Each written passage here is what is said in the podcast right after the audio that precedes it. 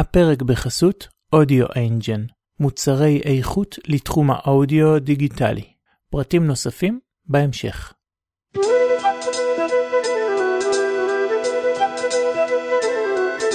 אתם מאזינים לפה ושם בארץ ישראל.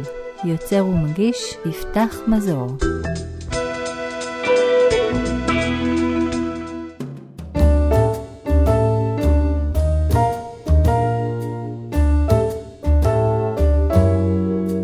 מועדון הסיפור הטוב, מדור הסיפורים של פה ושם בארץ ישראל. הבמה שלכם בפודקאסט.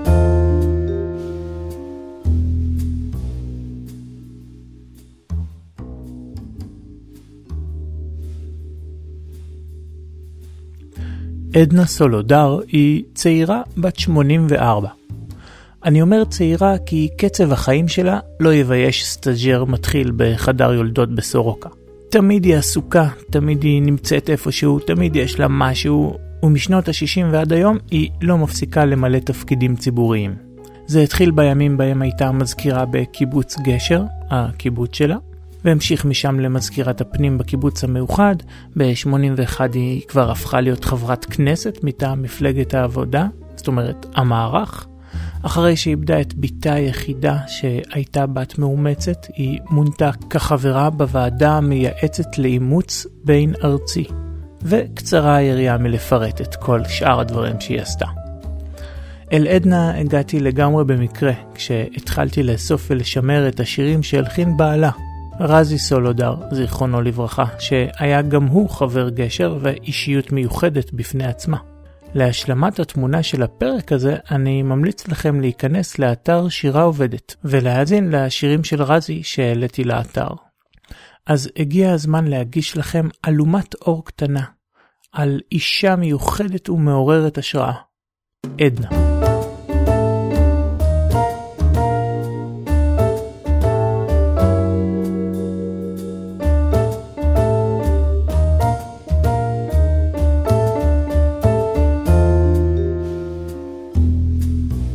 אני עדנה סולודר מגשר, בת אשדוד במקור, שנולדתי עוד בחצר גשר, ששם ישבה אשדוד לפני עלותה למשבצת הקבע שלה 14 שנים.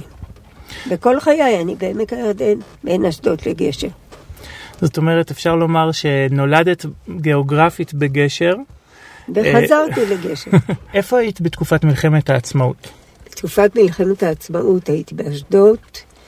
זה, אנחנו אז היינו כיתה י"ב, אז גמרנו עד פסח וישר למלחמה. והעמק הייתה מלחמה קשה. בעמק הירדן. כן, היינו אשדוד, וגשר עוד יותר, כי גשר ממש, בעצם היא הייתה, נהריים הייתה בתווך, בג... כשהיו עוברים את גשר, היו נוסעים לנהריים, עוברים כאילו תחנת גבול, ולפני אשדוד היו עוברים עוד פעם תחנת גבול, וזהו. Mm-hmm. אז... ואני הייתי קשרית, למדנו קשר כבר, נכנסנו לה, להגנה כבר כשהיינו בני 16, והקרב הראשון בגשר היה כבר ב-27 לאפריל, והקרב השני היה ממש ב-15 למאי, כשהאנגלים עזבו את הארץ. בגשר היו שלושה גשרים שחיברו בעצם את גשר, הייתה, היה שם מחן גדול, שישנו גם היום. Mm-hmm. וגשר ישבה, חלק גרו בחן וחלק גרו למעלה, היו צריפים, בתי חמה. הקרב הראשון היה כשהאנגלים עזבו את המשטרה. ואז חברי גשר ראו שהדגל יורד, השתלטו על המשטרה, הייתה תחרות סמויה. ואז הליגיון התחיל להפגיז את. Mm-hmm. ואז עוד היו הגשרים. כן. והיה קרב מאוד קשה, והיה צריך להוציא את הילדים והבלתי לוחמים, ובין הלוחמים היו גם מפקדות עמדות והקשריות, שעמדו למעלה כי הקשר היה רק באיתות, אז בקרב הראשון לא היה פשוט, ואז uh, התנדב חבר לזחול לנהריים, הוא היה רואה, והיה עוד רווק. הוא הכיר את הדרכים, זכה לנהריים. רועה צאן התכוונת? כן. Mm. וביקש הפסקת אש, שאפשר יהיה להוציא את הילדים והבלתי לוחמים. זה לקח עוד יום וחצי עד שהוציאו אותם, כי בינתיים הם שוב פתחו באש, והם נתנו בעצם אולטימטום לגשר, גשר לא תיכנע, היא תיהרס. אז איך ניצחתם בסופו של דבר? הם בסופו של דבר לא ביצעו את האולטימטום מהקרב, אבל אז הם, אה, הם הפסיקו את הקרב. היו איתם, כי זה שזחל, סוגריים, לימים זה היה בעלי, רזי. אה, באמת? לימים בעלך, אז עדיין לא, לא הכרת אותו. לא, הכרתי, היה הכרת. כבר אומן אפילו. או, אבל... אה, איזה פחד. רגע, אתה לא את הכל אומר.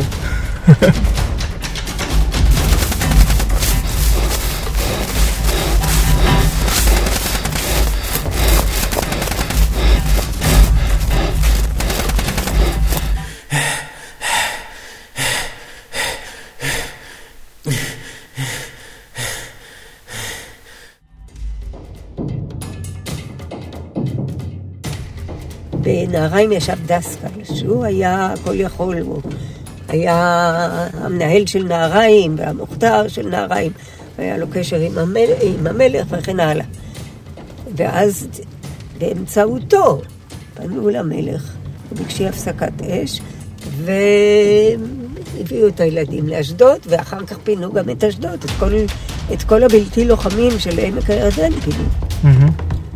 אה, כי זה הכל היה קו גבול, היה הקרב בצמח ובדגניות, והייתה נסיגה של שער הגולן ומסדה. לא היה פשוט לראות את זה. אז בלילה פינו את כולם, אפילו אותנו בני ה-18, ואז התמרדנו, ולמחרת חזרנו. אמרנו, לא יכול להיות שהמדריכה לאיתות שלנו, יהודייה, אני יודעת, הייתה קרוב ל-40, היא תישאר ואנחנו לא. אחרי שהילדים יצאו, אז, אז התחילו להתארגן. וגשר בעצם ב- בקרב הזה, חלק גדול ממנה נהרס. ו, ואז אה, והיה מקלט אחד שבו היה המטה וכל הילדים. ואז התחילו בשלושה שבועות שהיו עד הקרב השני, שהוא היה ממש ב-15 למרץ, כשהמנדט נגמר. אז uh, התחפרו, והיא הפכה, גשר הפכה בעצם למשלט.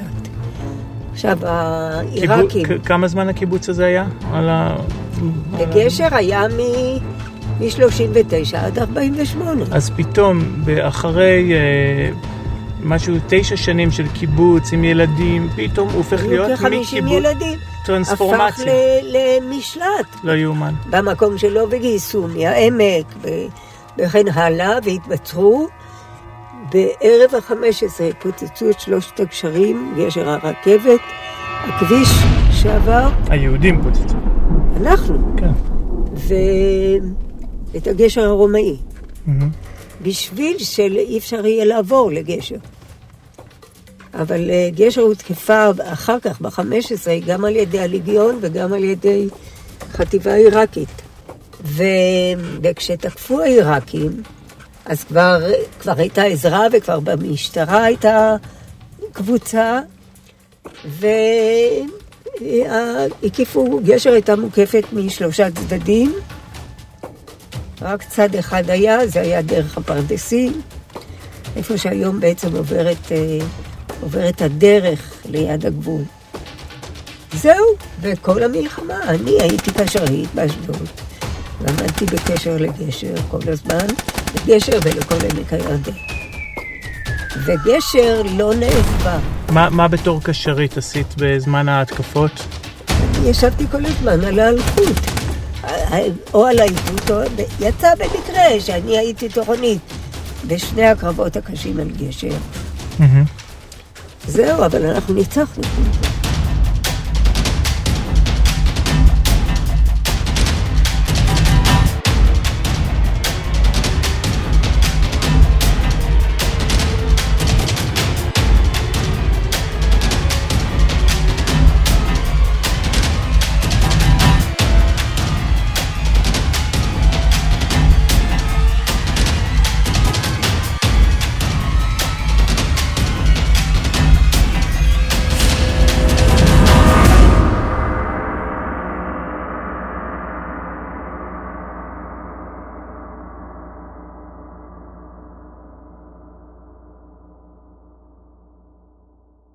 מאיר כפעיל, אם אתה יודע מי הוא. ההיסטוריון של הפלמ"ח. כן, לא רק של הפלמ"ח, של התקופה.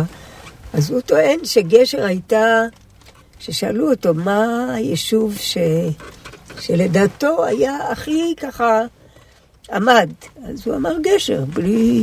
אז למה לא יודעים? כי לא היו מספיק הרוגים.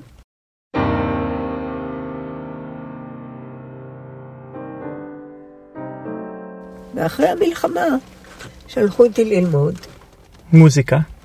מוזיקה, בלי בכלל, אה, בלי ויכוח ובלי, זה היה מובן מאליו. תמיד נמשכת למוזיקה? מגיל שלוש ידעתי שזה מה שאני רוצה. אבל תגידי, איך אז צרכו מוזיקה? לא היו, לא היה רדיו, אתה לא... מדבר. לא היה רדיו, אבל היה פטיפון כזה. גרמופון? אה, פטיפונים אה, שמניעים אותו ככה. כן. לא היו התקליטים הגדולים. ומה זה צרכו? הרי פעם, זה קשה היום לתאר, פעם היו מביאים לקיבוצים קונצרטים ואמנים, והחברים היו יושבים ככה, מרותקים. מרותקים. אני, שנתתי את הרסיטל הראשון באשדוד, המורה שלי היה יאלי וגמן, אז הוא אמר אחר כך, תשמעי, כולם ישבו. והייתה הרגשה שככה, חס וחלילה, אם כולם נשמו איתי, הוא אומר, אין דבר כזה בתל אביב, ש... ככה זה היה פעם. ורזי, איך הוא קשור למוזיקה? איך הוא התקשר למוזיקה? תשמע, רזי בא מבית מיוחד. אמ, אימא שלו הייתה הרופאה הראשונה בגליל, והיא גמרה קונסרבטוריון בהצטיינות, גם רפואה, גם קונסרבטוריון, ניגנה, ו... והייתה, אבא שלו היה איש מאוד מוזיקלי, והוא צמח עם זה. יכול להיות שהמוזיקה זה מה שקישר ביניכם? רזי היה מורה שלי למוזיקה. זהו, אז... אה, ולימים את הפכת להיות מזכירת קיבוץ גשר, וגם בתקופה מאוד לא כן, יום קלה של אחד, גשר. אה, אני לקחתי בעצם, אה, מין- רציתי שנה אחת ככה לא ללמד קצת, כמו שעושים מורים, כמעט, כמעט 20 שנה לימדתי. מוזיקה. הייתי מנגנת חמש-שש שעות ביום. מהבוקר הייתי מנגנת עד הצהריים, ואחר כך הייתי מתחילה ללמד מהצהריים. בקיצור, אז לקחתי שנת שבט, ואמרתי, אני מוכרחה קצת... ואז בחרו אותי למזכירה. ו... ועוד רזי קם באספה ואמר שמה, היא לא יכולה, היא... לא, הוא אמר שאני לא מתאימה, אבל היא רוצה שאני אנגן, שאני אעסוק במוזיקה. ו... ואני גם, מה, אני אעמוד לפני ציבור? זה לא היה פשוט. בקיצור, הייתה הפגזה, נפצעו הרבה אנשים, ובן לילה נכנסתי לתפקיד. נ- רק נציין שזאת התחלה של מלחמת ההתשה. זה מלחמת ההתשה. זה כבר היינו, מלחמת ההתשה, כשהיה, כשהייתה מלחמת ששת הימים, אנחנו לא קרה אצלנו שום דבר. אבל אז עוד אמרנו, זה יגיע אלינו, ואחרי חצי שנה זה הגיע אלינו.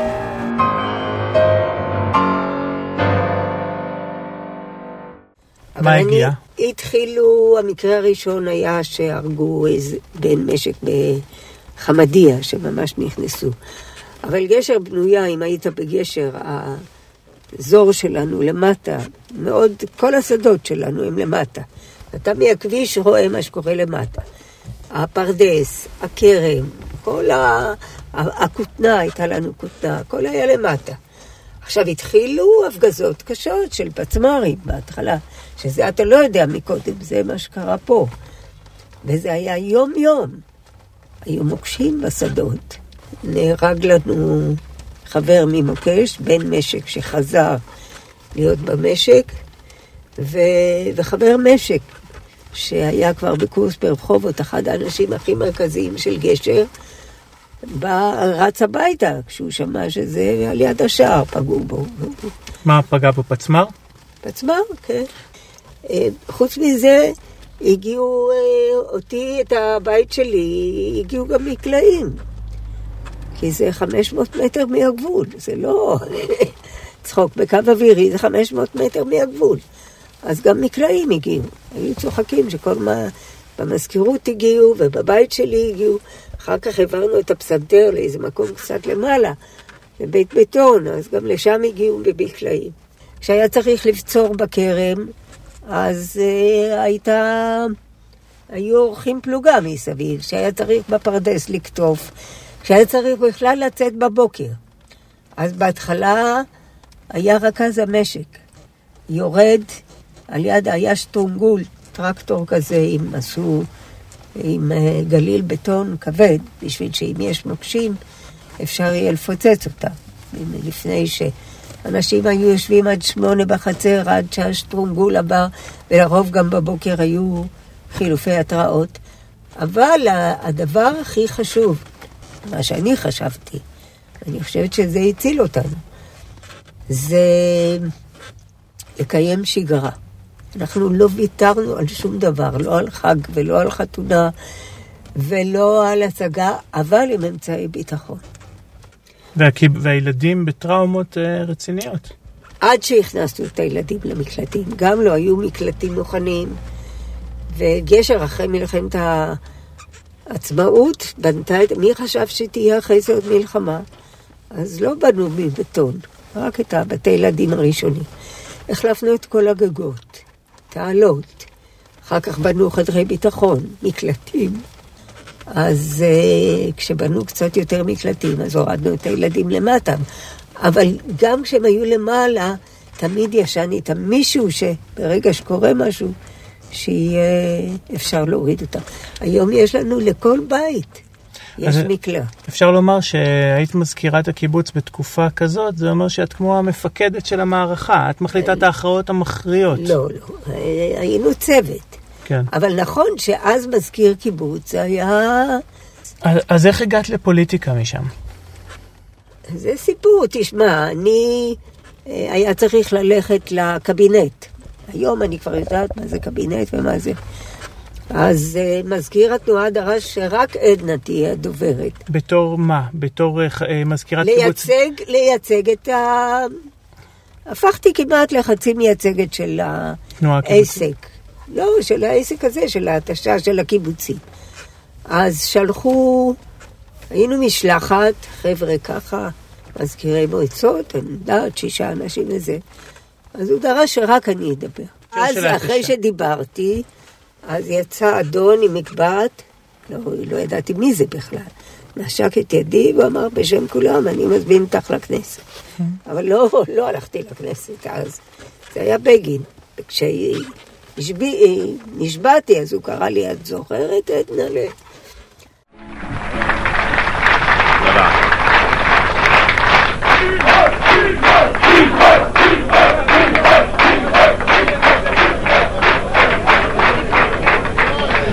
מר פרס. הממשלה של הבא של מדינת ישראל, מר שמעון פרס, יפתח את מסיבת העיתונאים בהודעה בעברית, ואחר כך באנגלית. מיד אחריהם תישאלנה שאלות בעברית, ואחרי זה גוש שאלות באנגלית. הטלת הממשלה, הקמת הממשלה, תוטל כנראה על המערך. המערך, כמובן, מוכן להקים את הממשלה הזו, ממשלה רחבה. אני שביט אה, בן אריה, ב-2011 הוצאתי לאור את הספר חברות הכנסת, שמתעד את אה, תולדות חייהן ופעילותן של אה, נשים בפוליטיקה הישראלית. חברות הכנסת נשים מובילות בישראל. כמה נשים היו באותה תקופה בכנסת? בכנסת, בכנסת העשירית נבחרו לכנסת שמונה נשים, ועדנה הצטרפה האישה התשיעית לאותה כנסת. מתוך 120 חברי כנסת, שמונה נשים והיא התשיעית. 30 שנה ההבדל הוא תאומי בין, בין אז והיום. מקום המדינה ועד uh, כניסתה של עדנה עצמה, uh, כיהנו פחות מ-40 חבר... uh, נשים uh, בכנסת. הרגשת מיוחדת שאת חברת כנסת ממין נקבה? בכלל לא הרגשתי מיוחדת, ואף פעם לא הרגשתי נחיתות שאני אישה, אני הרגשתי ש, שאני עושה מה שאני חושבת שצריך לעשות. אני גם, עדנה במידה מסוימת נבדלת גם מהשמונה האחרות. אה, היא מייצגת את אה, דור תש"ח, שבמלוא מובן המילה, זאת אומרת, הם, הם כולן היו אה, ילידות פחות או יותר אותו מחזור, אבל עדנה ילידת הארץ, הייתה חברת ההגנה, יש בה מאפיינים שאנחנו מתרפקים עליהם היום כדור תש"ח, מה שלא היה לחברות כנסת אחרות באותה תקופה. יש איזשהו קו מייחד לחברות כנסת באותה תקופה? משהו שמייחד אותה מאישה רגילה? אני אגיד לך, קשה מאוד לשים את האצבע על המאפיינים. יש כל מיני מאפיינים שרואים אותם חוזרים על עצמם. Uh, במקרה של עדנה אפשר לראות, uh, כמו אצל אחרות, את הפעילות הציבורית של ההורים שלה. Mm-hmm. אבא של עדנה היה ממייסדי משרד הביטחון, הוא היה ראש אגף במשרד הביטחון הרבה מאוד שנים. אה, וגם האימא שלה הייתה פעילה ציונית אה, עוד לפני שהיא עלתה לארץ, והמשיכה לפעול פה בתנועה הקיבוצית. אז היא קורצה מהחומר של ההורים שלה. כן, וזה משהו ש, שרואים, אם אתה מחפש איזה שהם מאפיינים אה, שאפשר להצביע על מישהי שתהיה חברת כנסת, זה אחד מהם. הייתי, הייתי מאוד פעילה. היא הייתה בתפקידים מאוד דומיננטיים בכנסת. היא, מעבר לעובדה שהיא הייתה משובצת באמת בוועדת הכספים ובוועדת הפנים, שיש להם הרבה מאוד אה, השפעה ותחומי אחריות, היא ריכזה את הפעילות שלה בוועדות משנה. אה, מה שהיום בכלל פחות נהוג בכלל להקים ועדות משנה, אבל בזמנו זה היה מוסד מאוד חזק שאפשר לה לה ול, ולכולם אה, להתמקד בנושאים, להתמקצע בהם ובאמת ללוות אותם אה, תהליך.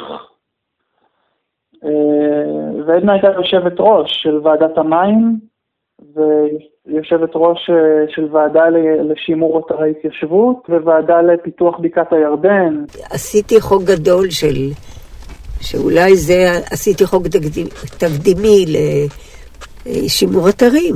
הייתי גם בלובי החקלאי, והייתי יושבת ראש ועדת המים.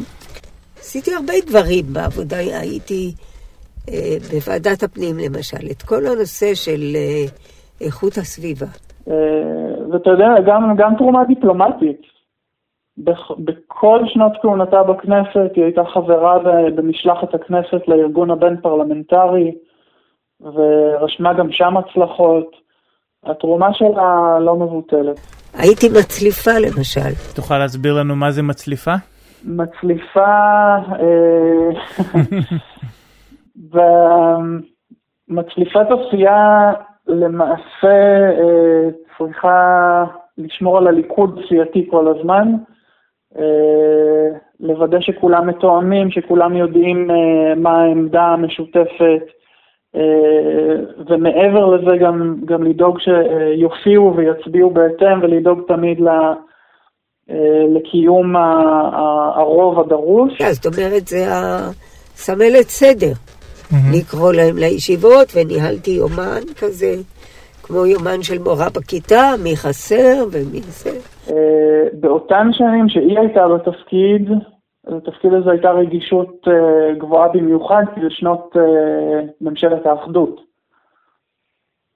וכל כל צעד ש, שעושים המצליפים במערך ובליכוד השפיע ככה על, על יציבות האחדות הלאומית. אז היא הייתה אחראית על האחדות הלאומית. הכינוי של עדנה בתקשורת באותם ימים היה ליכוד ב'. וואלה? כן, היא הייתה מהאגף הניצי של אה, תנועת העבודה, אה, עמדה אה, כנציגת ההתיישבות, כמי שגדלה ככה בעמק הירדן והגיעה עם הניסיון כמזכירת קיבוץ במלחמת ההתשה, היא הגיעה עם, עם עמדות מאוד חד משמעיות אה, בכל נושא ההתיישבות והביטחון. אה, וועדת הכספים שהייתה הבית שלה בכנסת, היא אה, דאגה לחזק את, מבחינה תקציבית, את רמת הגולן, את בקעת הירדן, ככה שבהחלט ראו את זה בפעילות, והיא גם בהיותה ליכוד ב', היא הצטרפה ליוזמה שצחי הנגבי הוביל, להפסיק את הדיאלוג הפוליטי עם אש"ף באותם שנים. מהמם. שזה היום שמסתכלים בראייה היסטורית, כעבור אה, חמש-שש שנים אה, יצחק רבין עמד עם אה, יאסר ערפאת ולחץ ידיים, כן. אז זה בהחלט ככה משקף את האגף שאותו היא ייצגה ב- ב- במפלגה ובתנועה. יש שני דברים שמאוד אה, זכורים לך. אחד זה אה, קידום שחרורו של יונתן פולארד. תראה, היו, גם ה... לא הצלחנו לקדם אותו, יותר את אשתו. אבל יש דברים אחרים שעשיתי בכנסת, נכון. זה לא... והשני זה לנסות להוציא את אה, כהנא מחוץ לחוק. זה היה, תראה, אני, רוב החוקים שעשיתי, לא הרבה, רק 14, אבל כולם היו חוקים גדולים ותקדימיים. אז אה, כהנא, כהנא, חברי כנסת רצו חוק נגד גזענות. חוק נגד גזענות זה לקח הרבה שנים עד שעשו. אני הסתכלתי מה הזכויות של חברי כנסת, ובתוך הזכויות של חברי כנסת, אז יש סעיף 9 שמותר להם להסתובב בכל מקום, למעט אם הם פוגעים בענייני ביטחון. סעיף קטן. מהמם.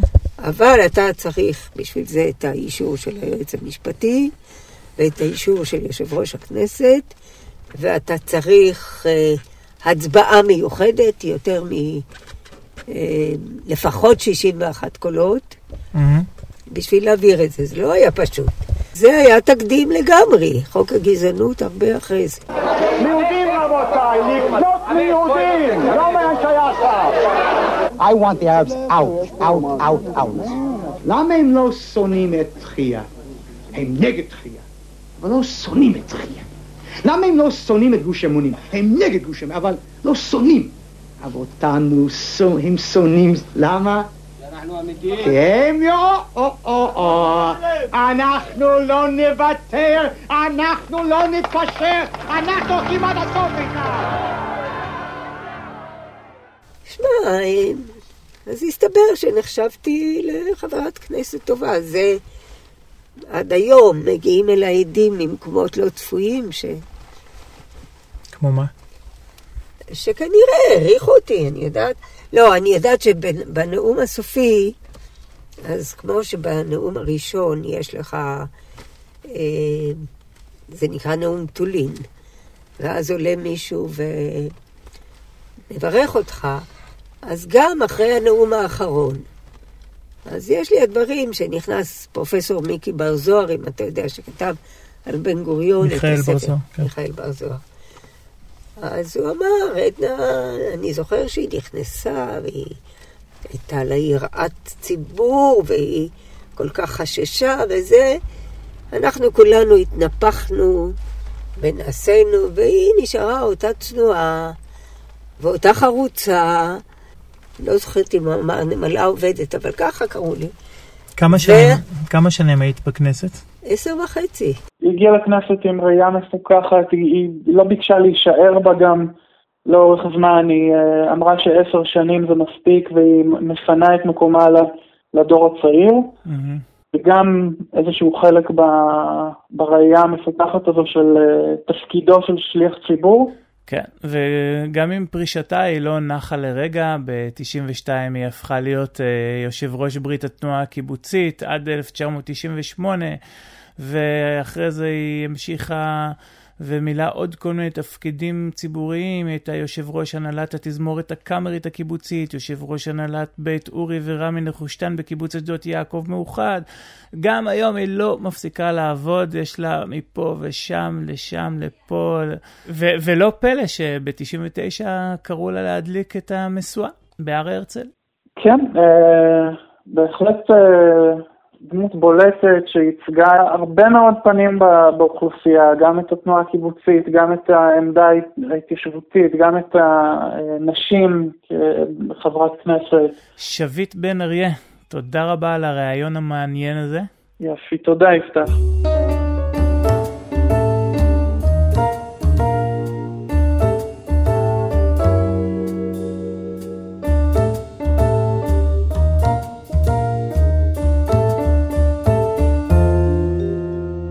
עד כאן מועדון הסיפור הטוב.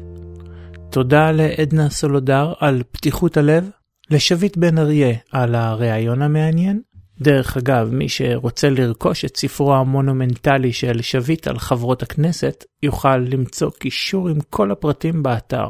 שביט גם מעביר הרצאות מרתקות בנושא. אל שביט, דרך אגב, התוודעתי לראשונה דרך פודקאסט אחר, סיפור ישראלי, שהקדישו לתשוקה האדירה שלו לתעד את פעילותן של נשים בפוליטיקה הישראלית, מערכה שלמה שכותרתה הייתה, איך לא? אובססיה. ואם כבר בסיפור ישראלי עסקינן, בטח יעניין אתכם לשמוע שגם הם בתהליכי הצטרפות לרשת הפודקאסטים החדשה ההולכת ומתרקמת, שלאחרונה קיבלה גם שם, פודקאסט ישראל. ברשת חברים מלבד התוכנית הזאת עוד ארבעה פודקאסטים מעולים. עושים היסטוריה של רן לוי כמובן, הסיפור שלנו עם איתמר שתל או שטל, שהוא פודקאסט חדש ומצוין העוסק בהיסטוריה של עם ישראל מנקודת מבט יהודית, קטעים בהיסטוריה של יובל מלכי, וכמו שאמרתי, עכשיו גם סיפור ישראלי. ועכשיו חסות.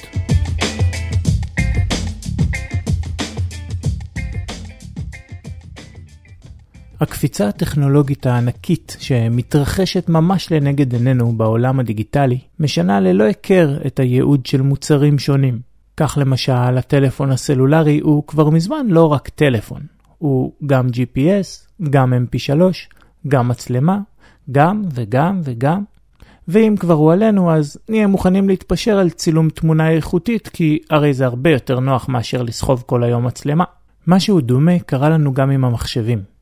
רבים מאיתנו כבר מזמן זנחו את מערכת האודיו המסורבלת שכללה קומפקט דיסק, מגבר איכותי ורמקולים מאוצים, לטובת האזנה למוזיקה דרך המחשב, שבדרך כלל מצויד בכרטיס קול ירוד ובמקרה הטוב רמקולים מפלסטיק. כל כך נוח וזמין לתפעול. והנה, שוב נוצר המצב האבסורדי שדווקא הקדמה גורמת לנו לצעוד במובנים מסוימים שנים לאחור. אבל זה לא חייב להיות ככה. מגיע לכם יותר. אם גם אתם רוצים להחזיר את איכות הצליל שסובבת אתכם למקום הראוי לה, וזה כמובן מבלי לזנוח את היתרונות המדהימים שנותן לנו המחשב או הנגן הנייד, לאודיו אנג'ן יש מגוון פתרונות מצוינים עבורכם. החברה מייצרת מערכות של רמקולים מוגברים שמגיעים בתיבות עץ ומכילים רכיבי הגברה שניתן למצוא במערכות סלוניות יקרות בהרבה. אבל ההבדל שכאן כל כולה של המערכת נועד להתאים לעולם הדיגיטלי. בנוסף, Audioengine מציעה כרטיסי קול חיצוניים, שולחניים או אלחוטיים, שמאפשרים לעקוף את כרטיס הקול הבסיסי של המחשב, וכך לשפר בצורה ניכרת את איכות קבצי האודיו שאנו שומעים. התוצאה היא שהמוזיקה שלכם תישמע כמו שאף פעם לא שמעתם אותה, ותהיה הכי קרובה למה שהאמן התכוון במקור. למאזיני התוכנית תהיה הנחה מיוחדת, פשוט כנסו לבאנר שבאתר ותוכלו לקבל משם את כל הפרטים. תודה לאודיו אנג'ן על תמיכתה בפה ושם בארץ ישראל.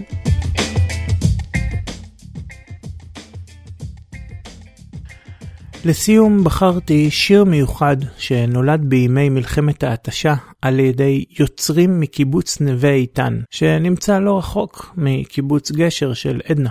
קוראים לו שיר ארס למקלט, ומבצעים אותו צמד מי הוא מי, שלדעתי ראויים לתואר הסיימון וגרפינקל הישראלים. תקשיבו איך המילים המצמררות באות בניגוד גמור למלודיה העדינה ולקול הרגיש. אז ביי בינתיים ונתראה במועדון הסיפור הבא. ושוב שנצא אל השמש ילדי ושוב שנוכל לפסוע בגן. וכשיריות התותח ירדמו יחזור האביב אל נבינו איתן אז נחזור והשחוק בפינו שובב. ונשכח הימים שאדמו אז נחזור בדמעות עינינו נאהב. ונשכח הימים ששנאו. ושוב שנוכל כיסנים להטיס ולכתוב דם פרקים על חופו של ירדן. ושוב שנוכל את העצב למצוא. ושיר שנדם שוב יהיה מתנגן. אז נחזור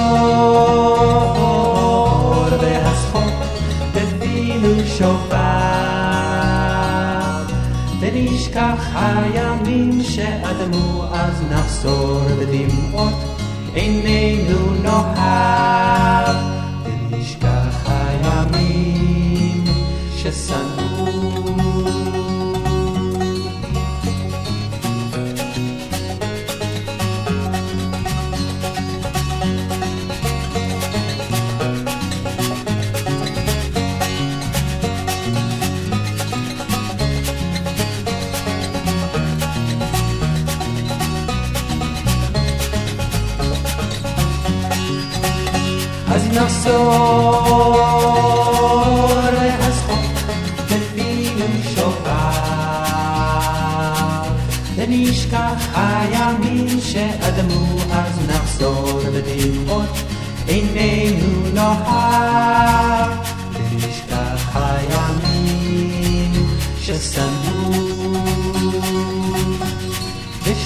שחומת הבטון לא תהיה. והדי הקרבות לא יחרידו חלום ושוב ששבילי השדות יחפו. ממזרע של מוקשים למזרע של שלום אז נחזור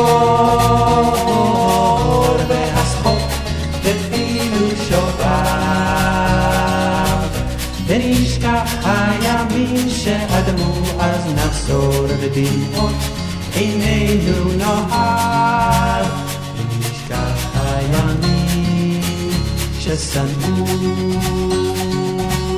ונשכח הימים ששנאו ונשכח הימים ששנאו